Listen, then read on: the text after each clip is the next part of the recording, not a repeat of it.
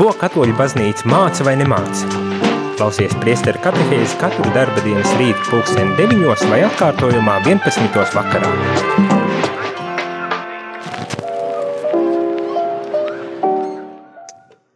Labrīt, labrīt, rādījumā arī klausītāji. Šeit priesteris Jānis Meļikovs un priestera katehēzi. Ceru, ka šis ir ļoti skaists rīts un kad esat sagatavojušies un pieslēgušies, lai klausītos un lasītu kopā ar mani, pārdomātu kopā ar mani un arī, protams, iesaistītos šajā katehēzē. Mēs uzsākam šorīt jau jaunu tēmu, vēl joprojām paliekam uz Vatikāna otrā koncila dokumentiem. Un uz tiem mēs paliksim, es domāju, vēl ilgi visu šo sezonu izskatās, un iespējams pat vairāk. Bet šodien mēs turpinām gaudījumu pēc pēc, jeb um, par baznīcu mūsdienu pasaulē. Uh, un uh, turpinam šīs aktuālās problemātikas, kā, kā baznīca, kā šis dokuments, Vatikāna koncils, uh, jeb nu tā, vispārīgi sakot, kā baznīca redz uh, sabiedrības pasaules notiekošos procesus un, un ko piedāvā kā tādu risinājumu tam. Jau runājām par tām aktuālajām un steidzami risināmajām problēmām, Divas jau izskatījām. Viena bija saistīta ar laulības un ģimenes eh, problemātiku, otra bija eh, par ehm, kultūras, ar kultūru saistītu eh, problemātiku, un, un, un to mēs jau pabeidzām vakar.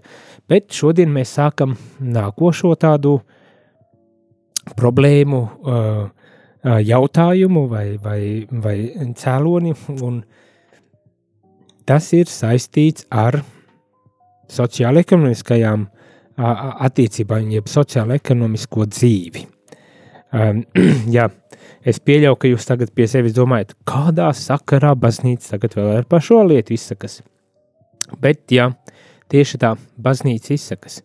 Um, kā jau es pašā sākumā varbūt tās arī teicu, kad, um, un vairāk kārt esmu atkārtojis, ka dažreiz var rasties priekšstats baznīca runā un domā tikai par teoloģiskiem un ļoti abstraktiem jautājumiem, par ļoti uh, um, noslēgtu un ļoti tādu, um, jā, uh, it kā atrautu no realitātes dzīvi, bet patiesībā tagad lasot šo dokumentu vai šos dokumentus, uh, Vatikāna otrā koncila dokumentus, tad redzam, ka baznīca ir ieinteresēta ikvienā cilvēka dzīves uh, jomā. Uh, un, un, un par to arī izsakas. Kā pašā sākumā šajā dokumentā tiek teikts, ka baznīcai rūp cilvēku sāpes un, un, un problēmas, tāpatās kā prieki e, un, un cerības. Un tad baznīca cenšas iesaist, iesaistīties ar arī plašāku sabiedrību, runājot par šīm lietām, norādot uz kaut kādām lietām, ne tikai raksturojot, definējot un nosakot, kāda tad ir baznīcas ticība un kādā veidā tā būtu jāsaprot un jāpraktizē, bet arī norādot uz aspektiem, kas ir tādi vispār sabiedriski mm, aspekti, bet kas vienlaikus tomēr ietekmē ļoti dziļā, spēcīgā veidā ikvienu cilvēka, arī individuālā cilvēka dzīves jomu. Tas attiecās gan uz ģimeni, tagad mēs šīs problemātikas izrunājām jau uh, Uh, izrunājām arī par kultūru kopumā. Kultūra, saprotot, protams, tādā plašākā vārda uh, nozīmē nevis tikai kā mākslas izpausmi, bet, bet kā cilvēka darbību, rezultātu un, un visaptvarošu tādā ziņā, vai ne? Un kādas problemātikas šajā jomā var būt. Un tagad mēs vēršamies pie nākošā aspekta, kas, manuprāt, arī ļoti interesants un uh, vēl joprojām ļoti aktuāls, lai gan lasot šo, šo nodaļu, varbūt tās mums arī radīsies tās nelielas priekšstats par to, ka jā, bet tas ir pa citu laiku. Jo ļoti spēcīgi šeit, šajā dokumentā tiek izcelts, vai, vai, vai kā īpaši tiek izcelti tātad, piemēram, lauksaimnieki, tātad zemju apstrādātāji, uh? Un, protams, tā ir arī mūsdienās vēl joprojām ļoti aktuāla tematika. Mēs taču redzam, ka ik pa brītiņam ir kādi streiki un kādi protesti pret, pret Eiropas Savienības regulācijām, kas saistas ar lauksaimniecības zemju apstrādāšanām un cik daži brīdi netaisnīgi vai arī tā skaitā lopkopība un tā tālāk. Tā kā tas vēl joprojām saglabā savu aktualitāti, bet varbūt tās mūsu dienās, ņemot vērā to, ka lielākā daļa sabiedrības dzīvo lielos apdzīvotos centros, lielās pilsētās, bieži vien galvaspilsētās, tā skaitā Rīgā, tas Latvijā, Rīgā dzīvo lielākā daļa cilvēku, tad, tad, protams, arī, kā teikt, darba jautājumi ir specifiskāki, bet, manuprāt, tas, kā, kā baznīca analizē šo sociālo-ekonomisko situāciju, uh, un kā redz, ka tie principi tik un tā ir tā pielāgojamas, saskatāmi arī mūsu laiku sabiedriskajos procesos un lietās, un tādēļ ir tā vērts, lai mēs to lasītu un varbūt tās pārdomātu par šo tēmu, un, protams, iesaistītos runājot par šīm lietām. Tā kā, ja gadījumā tu vēlies, dzirdot šīs dienas tematiku, iesaistīties, sūtot jautājumus vai varbūt tās kādu savu refleksiju, tad tu to vari darīt kā katru rītu, sūtot īsiņas uz telefonu numuru 266, 77, 272 vai zvanot 679, 691, 31. Bet tagad turpināsim uh, mūsu katehēzi ar uh, nedaudz lasot jau uh, pašu dokumentu. Kā jau teicu, šodien mēs ap apskatām tādu ļoti būtisku sabiedriskās dzīves tematiku kā sociāla-ekonomiskā uh, dzīve. Un ko tad uh, šīs dokuments un kā baznīca redz un izsakās par šo jautājumu? Lasu. Arī sociālo-ekonomiskajā dzīvē jāņem vērā un jāveicina cilvēka personas cieņa un viņa integrālais aicinājums, kā arī visas sabiedrības labums, jo cilvēks taču ir visas sociālo-ekonomiskās dzīves radītājs, centrs un mērķis. Cilvēks ir visas sociālo-ekonomiskās dzīves radītājs, centrs un mērķis. Ehm, man pat gribas ehm, teikt un domāt, ka cilvēks ir centrs, eh, mērķis un, un radītājs arī kultūras jautājumos, ko mēs jau apskatījām vakar un aizvakar. Ka cilvēks ir centrs, un manuprāt, tā ir ļoti svarīga atziņa. Mēs ar to daļu dzirdēsim, kādēļ šī ir tik ļoti svarīga atziņa, bet par ko mēs varam domāt, ir par to, ka dažu brīdi ekonomikā, politikā, vispār sociālajā, tādā sabiedriskajā dzīves, sabiedriskajā dzīvē, dažreiz var pamainīties uzsvari. Un, piemēram, ekonomika un politika pilnīgi visu dzīvi pārņem un nosaka. Uh, mēs kļūstam savā ziņā, un tas varbūt tās izklausīsies, izklausās ļoti baznīciski, baznīciski runāt šādā veidā, bet mēs kļūstam par sava veida uh, ekonomikas uh, kalpiem, vergiem, uh, un pazaudējam, uh, pazaudējam savu, man pat gribas, un uh, teikt arī savu cilvēcību. Un tādēļ šī atziņa, kad, um, kad sociāla ekonomiskās dzīves centrā ir cilvēks, un kad visi šīs dzīves mērķis ir cilvēks, ir ārkārtīgi būtiska tas mm, pilnīgi pārgriež otrādi to, kur mēs varbūt tās atrodamies. Jau, jau pirms 60 gadiem, kad tapa šis dokuments, tika runāts par to, daudz asāk mēs to izjūtam mūsu laiku uh, sabiedrībā, mūsu laiku pasaulē, kur varbūt tās uh, tiešām mēs ap, apzināmies to, ka dažreiz nekāda cieņa, nekāda, nekāds respekts, kad mēs esam tādi, tādi skrūvītes lielā sociāla ekonomiskā mašinērijā, kas nodrošina ekonomisko progresu dažu grupu vai cilvēku interesēs, bet, bet tas arī ir viss, vai ne? Nu, tādā veidā iezīmē. Tā kā šis, šis skatījums manuprāt, ir ļoti pieņemams ikvienam, ne tikai kristiešiem, bet uh, ikvienam cilvēkam mūsu laika sabiedrībā, kas, kas apzinas, ka uh, kaut kas ir uh, kaut kur uzsvari vai hierarhija, šo vērtību hierarhija ir uh, tomēr sajaukta un pārprasta, un, un kad ir tomēr kaut kas jādara, jo tā tas nevar turpināties galu galā. Tātad mūsdienu ekonomikā, tāpat kā citās sabiedriskās dzīves jomās, ar vien vairāk palielinās cilvēka ietekmi uz dabu. Attiecības starp atsevišķām personām, grupām un tautām kļūst aizvien ciešākas un intensīvākas un pieaug to savstarpējā atkarība. Palielinās arī politiskās varas iejaukšanās. Tajā pašā laikā ražošanas, tirdzniecības un pakalpojumu nozares progress ir nodrošinājis ekonomiskās, pot, ekonomiskās potenciālo spēju labāk apmierināt ekonomikas potenciālo spēju labāk apmierināt cilvēces aizvien pieaugušās vajadzības. Atkal, tas mūsu laika situācijas tāds raksturojums tiek piedāvāts, lai paskatītos tādā kontekstā, kuru nu mēs atrodamies. Un gribas tā vienkārši uzsvērt to, ka nu, mums ir mūsu kontakti, mūsu attiecības aizvien ciešākas un intensīvākas ir kļuvušas, un arī, protams, iespējas nodrošināt, parūpēties par mūsu vajadzībām un arī vēlmēm ne, ir pieaugušas.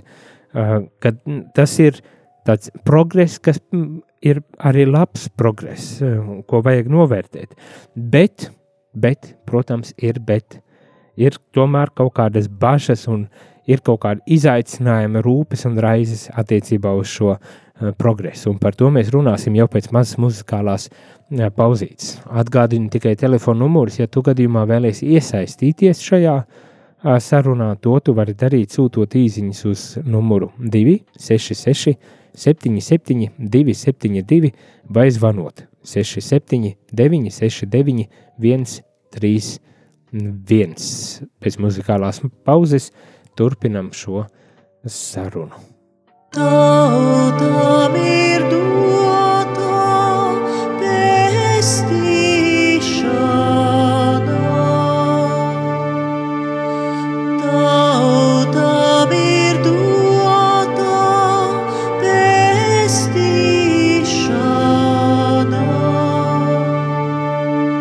Savu pestīšanu kungs ir darījis zināmu.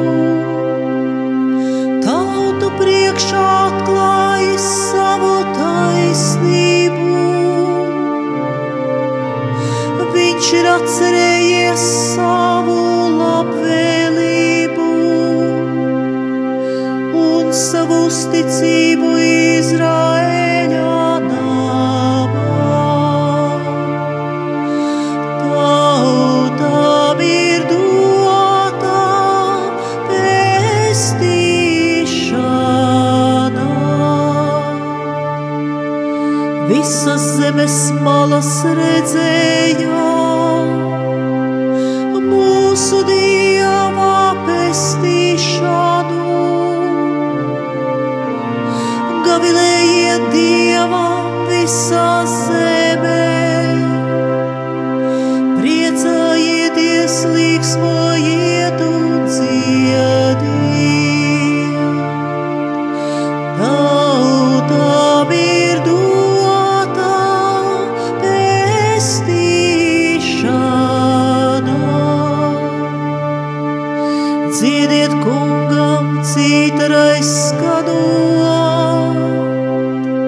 skanot citarai un dziesmu vārdiem.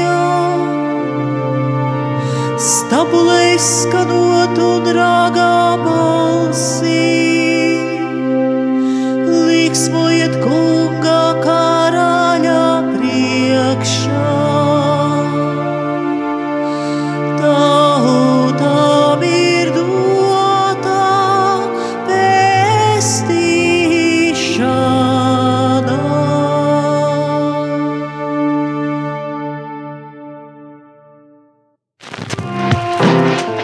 klausāties priesteru katehēzi par ticību, baznīcu, garīgo dzīvi.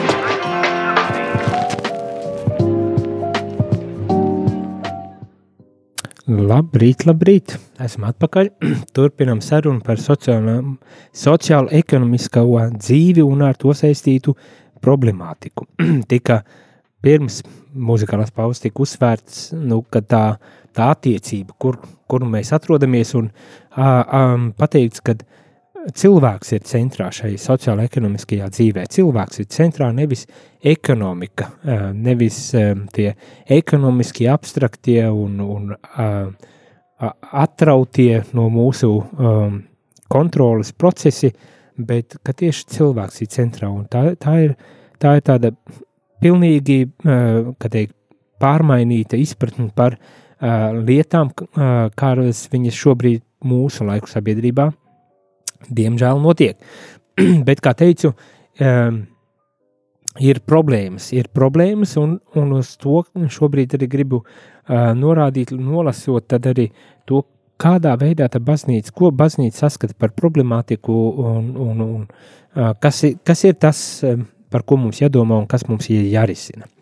Tātad tiek teikts, ka ir tomēr arī bažas, ir bažas par to mūsu laiku ekonomisko, sociālo-ekonomisko attīstību un progresu. Un tieši ekonomiski attīstītākajās pasaules valstīs reģionos šķiet ir tik ļoti pakļauti ekonomikai cilvēki, ka gandrīz visu viņu personisko un sabiedrisko dzīvi nosaka tikai ekonomiskās intereses. Tas sakāms gan par tām valstīm, kuras atbalsta kolektīvo saimniekošanas veidu, gan arī pārējām.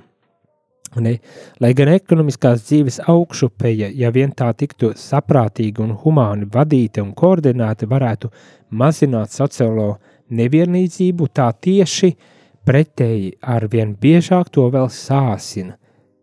Vietumis pat pasliktina mazu nodrošināto iedzīvotāju sociālo stāvokli, un noved pie nabadzīgo ļaužu nicināšanas. Te mēs redzam to problemātiku, manuprāt, ļoti skaidri un gaiši arī pateikt, kad, protams, ir ekonomiski attīstītās valstis, kuru cilvēku dzīves vada un kuru cilvēku dzīves ir pakļautas ekonomikai. Tieši ekonomiskās intereses ir visas dzīves uh, vadmotīvs.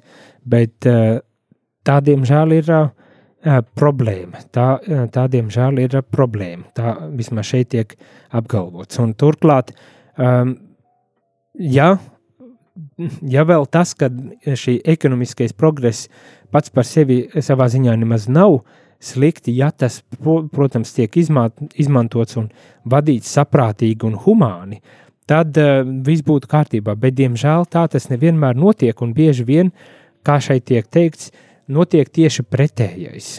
Arvien biežāk pasliktinās maznodrošināto iedzīvotāju sociālais stāvoklis un noved pie nabadzīgu ļaužu nicināšanas. um, te arī tiek paturpināts ne, tas, ko mēs arī varam novērot mūsu sabiedrībās, ka līdzās pastāv gan uh, milzīga greznība, um, luksus un vienlaikus blakus arī trūkums.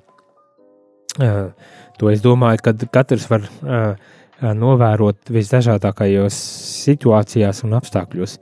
Kaut vai mājokļu stāvokļa uh, situāciju, ja mēs tā pavērojam, tad redzam, ka uh, nu, jā, vien, vienlaikus blakus var būt ļoti uh, šikas un greznas mājas un, un ļoti uh, nabadzīgas pat uh, graustu uh, līmenī.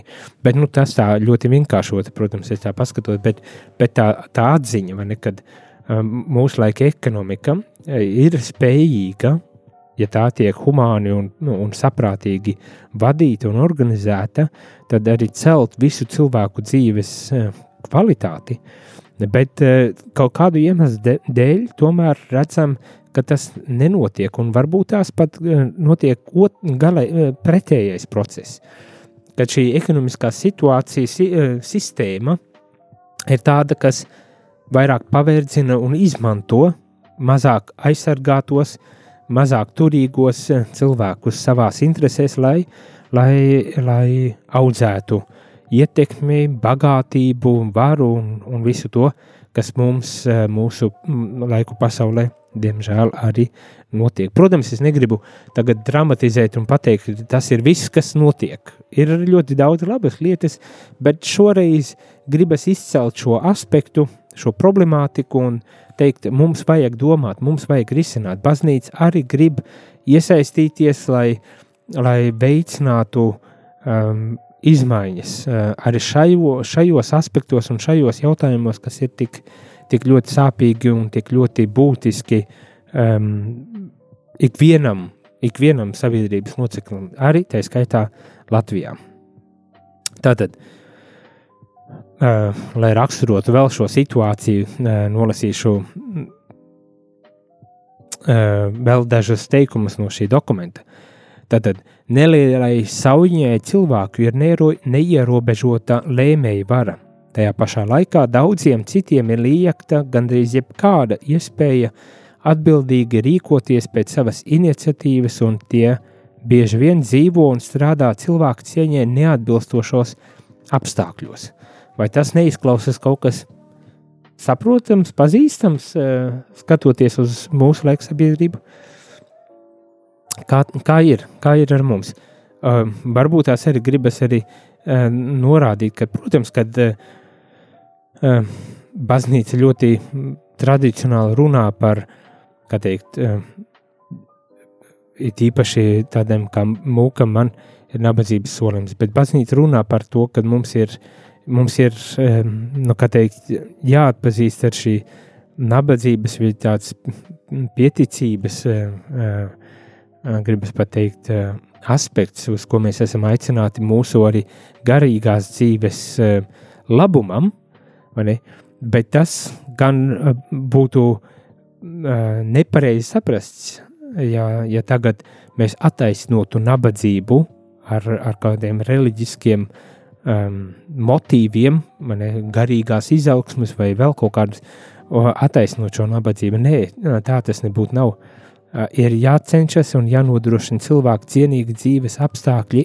ikvienam cilvēkam, lai viņš varētu arī, uh, man pat gribas teikt, lai viņš varētu tad iet šo garīgās attīstības pilnības ceļu, jo citādi šī rūpes un raizes par iztiku, par izdzīvošanu, par, par jumtu virs galvas, par siltumu un tādām lietām var ļoti nomākt jebkuru citu dzīves jomu, manuprāt, tā skaitā arī garīgo. Tas, protams, nav likumsakarības tev uzreiz, bet, bet tomēr tas, uz ko baznīca caur šo refleksiju šobrīd norāda, ir, kad ir problēmas un tās ir jārisina. Un tās nevar tā vienkārši uh, filozofiski kaut kā pamatot un attaisnot, vai uh, reliģiski pamatot un, un attaisnot. Uh, lasu tālāk, vēl kā, kā tiek raksturota šī uh, situācija.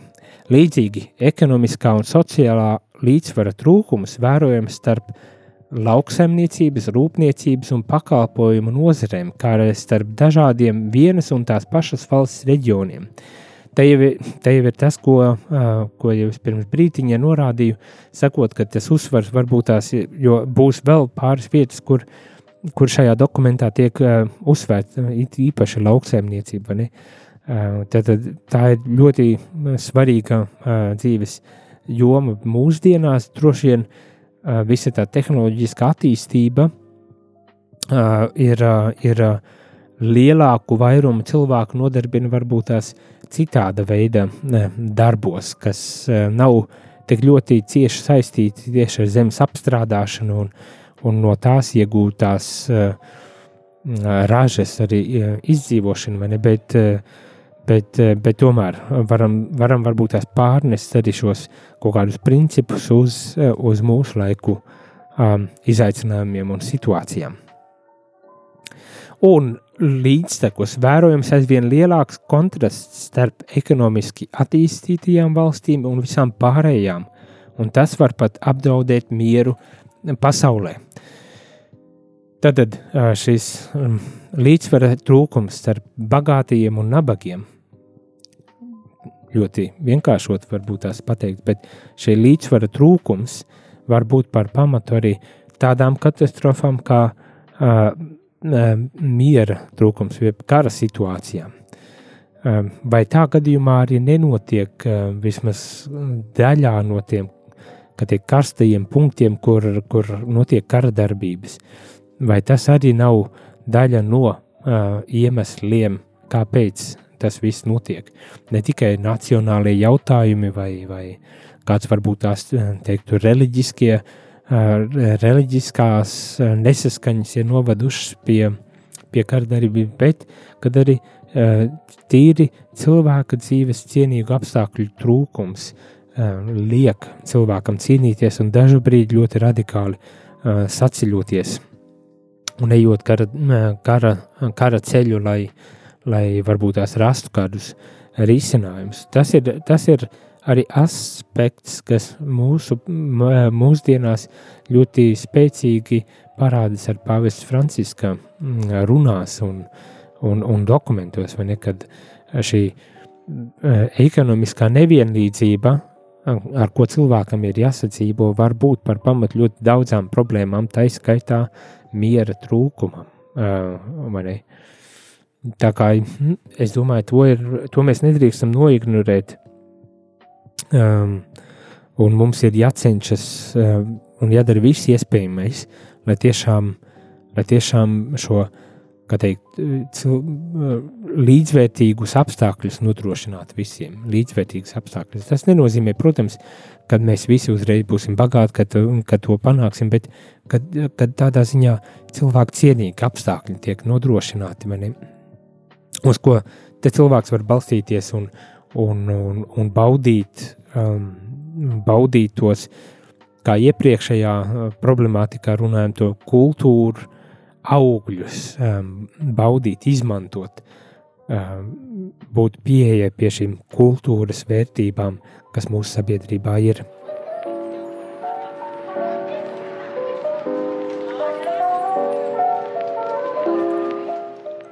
Nu tā.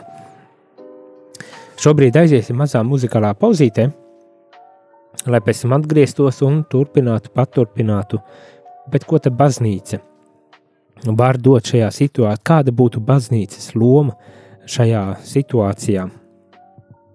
Un, un ko baznīca var dot, ja tā var teikt? Varbūt tās arī jums, klausoties šo katehēzi, rodas kādas mm, pārdomas, ar kurām vēlaties padalīties, tad eh, nekautrējieties droši, vai varbūt tās ir kādi jautājumi. Eh, tad droši rakstiet 266, 77, 27, 2 vai, protams, zvaniet 67, 969, 131. Un mēģināsim padalīties un pārdomāt par šiem jautājumiem vai, vai tām domām, kuras jūs būsiet iesūtījuši vai uzvanījuši. Pēc muzikālās pauzes turpinam un pārdomājam par to, ko tad baznīca var šajā situācijā dot un kādā veidā baznīca var iesaistīties šajā jautājuma risināšanā. Bet, ja tev varbūt tās ir sava doma, ko ta baznīca var dot, kā baznīca var palīdzēt šeit, tad um, raksti vai zvani. Pēc muzikālās pauzes turpinam.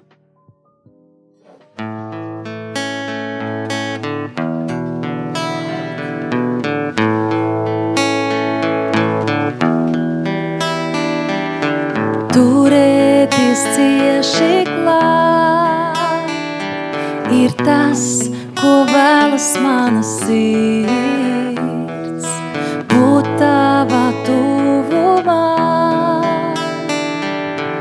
piedzīvot mieru, ko vari dot tik tu.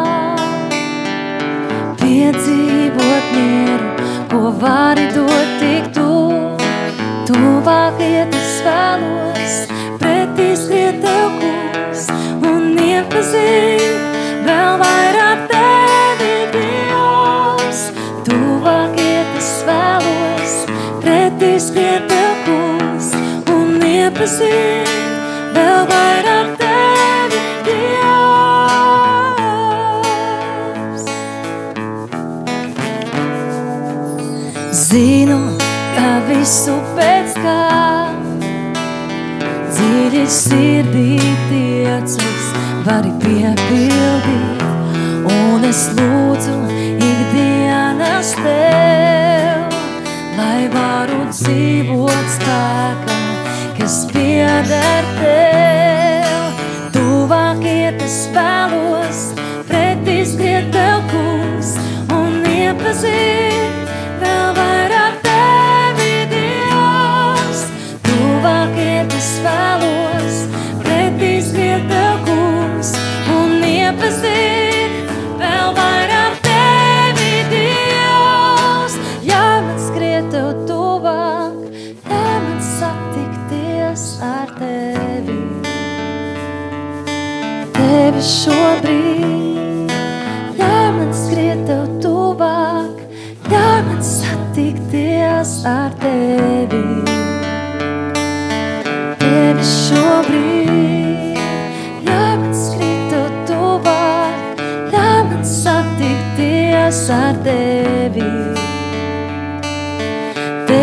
šobrīd,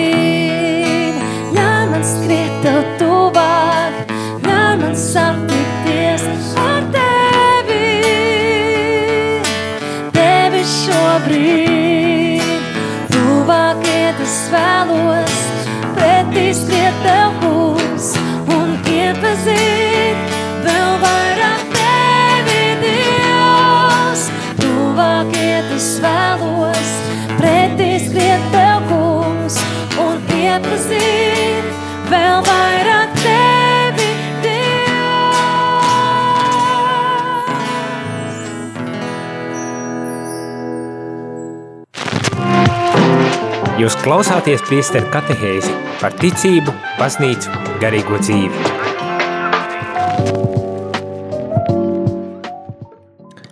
Labrīt, labrīt! Esam atpakaļ šajā rīta katehēzē, kur runājam par sociālo-ekonomisko dzīvi un ar to saistītām problemātikām. Kā baznīca redz šo problemātiku un, protams, izrunājām dažas lietas, norādījām dažām lietām daudzas vēl droši vien mēs runāsim. Nevis droši vien es zinu, ka mēs vēl daudz par ko arī runāsim, bet šobrīd gribas arī tā kā izcelt un norādīt, bet ko ta baznīca var šajā visā darīt. Pirms mēs ķeramies klāt tam, uh, noslēdzot šo katehēzi, gribu nolasīt arī kādu īziņu, kas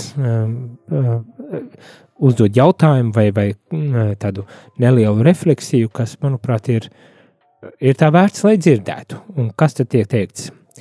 Vai šī problemātika ir tiesa tieša atkarība no sabiedrības garīgā stāvokļa, jo garīgie kārdinājumi nekur nepazūd.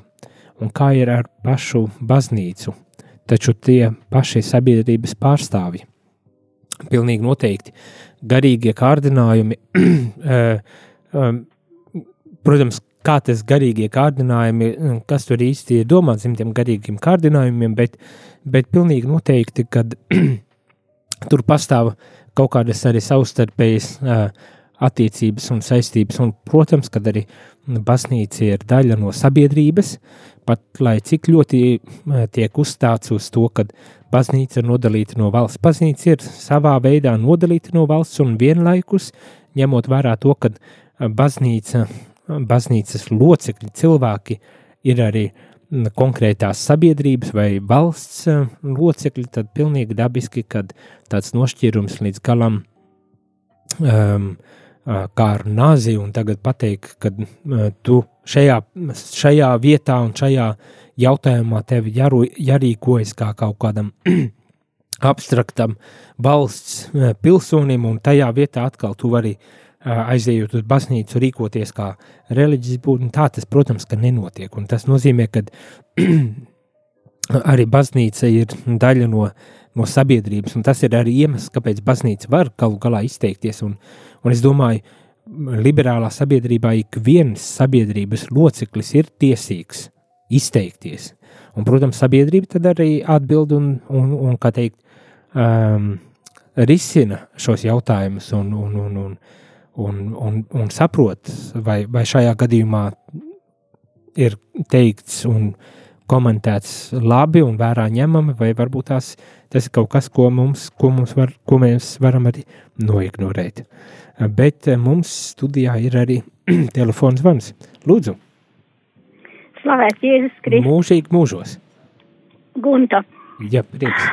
Man tas varbūt drusku nesaistās tieši ar tēmu, bet mm, man radās tāda re refleksija par to, ka daudzi nu, mūsu attīstītās, attīstīto valstu sabiedrības locekļi dodas meklēt mieru uz Indiju, uz Tibetu vai kaut kur citur, un tad jūsmot, cik tur viss ir mierīgi, cik, cik tur ir viss tā, nu, garīgi var relaksēties, bet viņi tur dzīvo tik nabadzīgi, nu es tā dzīvot tomēr nevaru. Un tad mēs atbraucam atpakaļ un, uh, un atkal esam satraukti un, un nemierīgi un tā tālāk.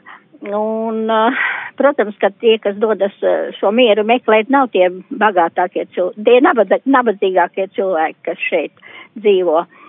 Un kāda šeit būtu sakarība? Kāpēc tā notiek? Paldies! Paldies! Ja es pareizi sapratu to jautājumu, tad par, par tiem meklējumiem kaut kur citur un piedošanu. Tas, es domāju, ir, ir jautājums, ko, ko vērts varētu pārdomāt. Vēl viens jautājums, ko es arī gribu nolasīt, un, un šeit pievienot šajā, šajā sarunā, arī jautājums, uz kuru man vismaz nav viennozīmīgas atbildes, bet kas ir tā vērts, lai, lai šajā visā katehēzes kontekstā tomēr pārdomātu un varbūt tās meklētu atbildes. Nolasīšu šo īziņu. Lai slavēts Jēzus Kristus vakar LTV1 raidījuma Latvijas valdība, raidījumā Latvijas valdība nebija argumentu, Latvijas valdībai nebija argumentu par savu algu nesamērīgas paaugstināšanas iemesliem, kamēr valstī ir krīze. Man bija kauns viņu vietā, bet cilvēkiem, kas alkatības gūstā, arī baznīca nepalīdzēs. Ko darīt?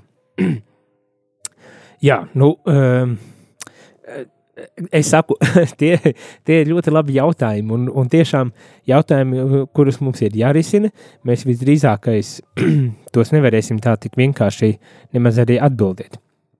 Bet um, mēģināšu, tulītās es nolasīšu vēl vienu īziņu un mēģināšu šo tādu nelielu fragmentiņu no dokumentu nolasīt, jo tas par kaut ko liek mums aizdomāties, un varbūt tās caur to mēs varam meklēt arī atbildes.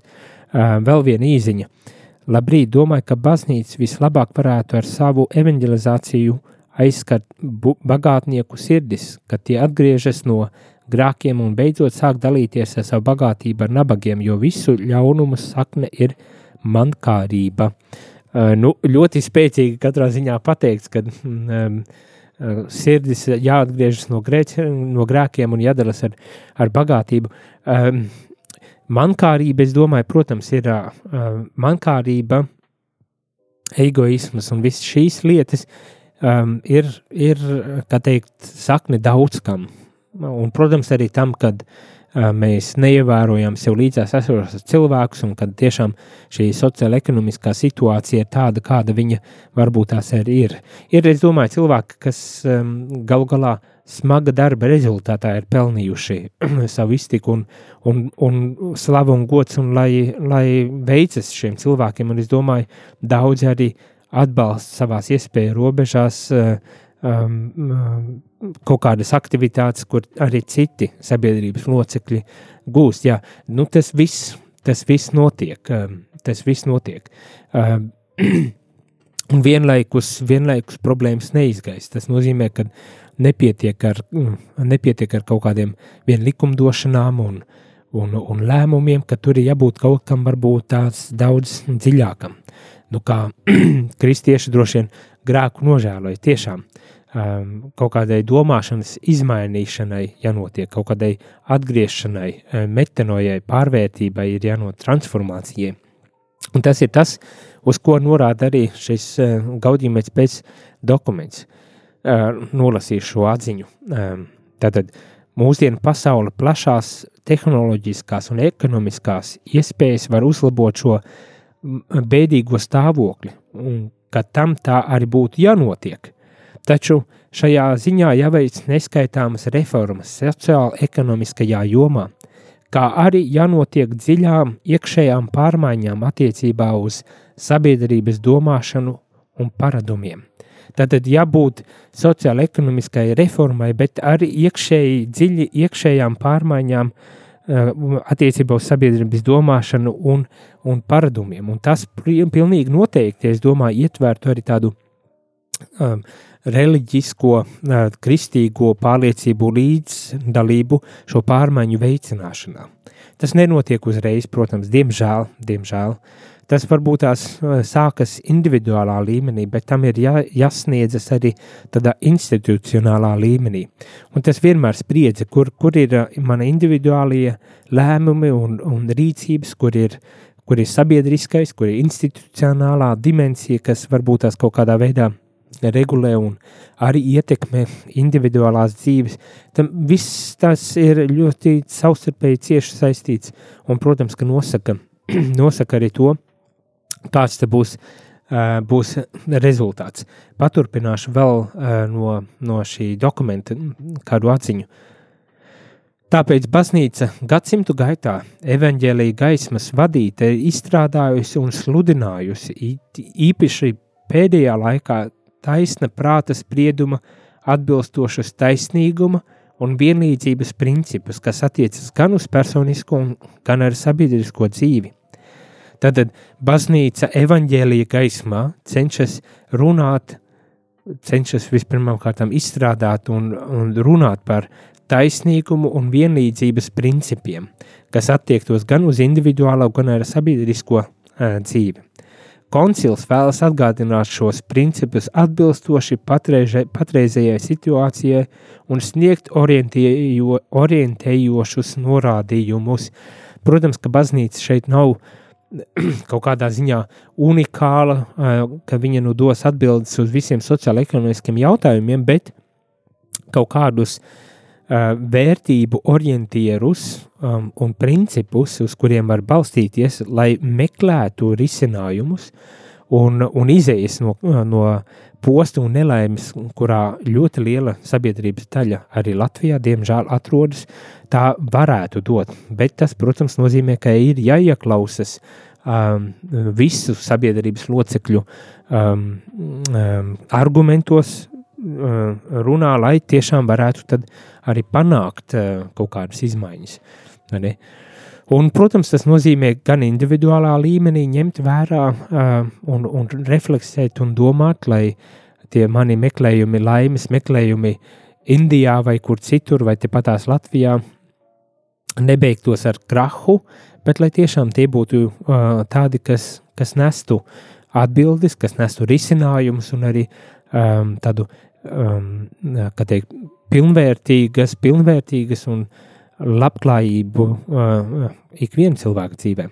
Par deputātu algām man grūti ko teikt. Protams, no vienas puses esošajā situācijā, vai tas ir tas prātīgākais, no otras puses uh, gribas domāt, ka deputāti un, un, un, un ministri ir pelnījuši atbilstošu uh, atlīdzību par to darbu, kas tiek darīts, bet gribas sagaidīt arī rezultātus un daudz efektīvākus rezultātus, kas uh, būtu pieejami ikvienam cilvēkam, ne tikai sabiedrības uh, krējumam, kā mēs mēdzam teikt. Nu, jā, bet tā ir saruna, ko mēs arī turpināsim uh, vēl kādas uh, dienas, jo neesam izsmēluši visu.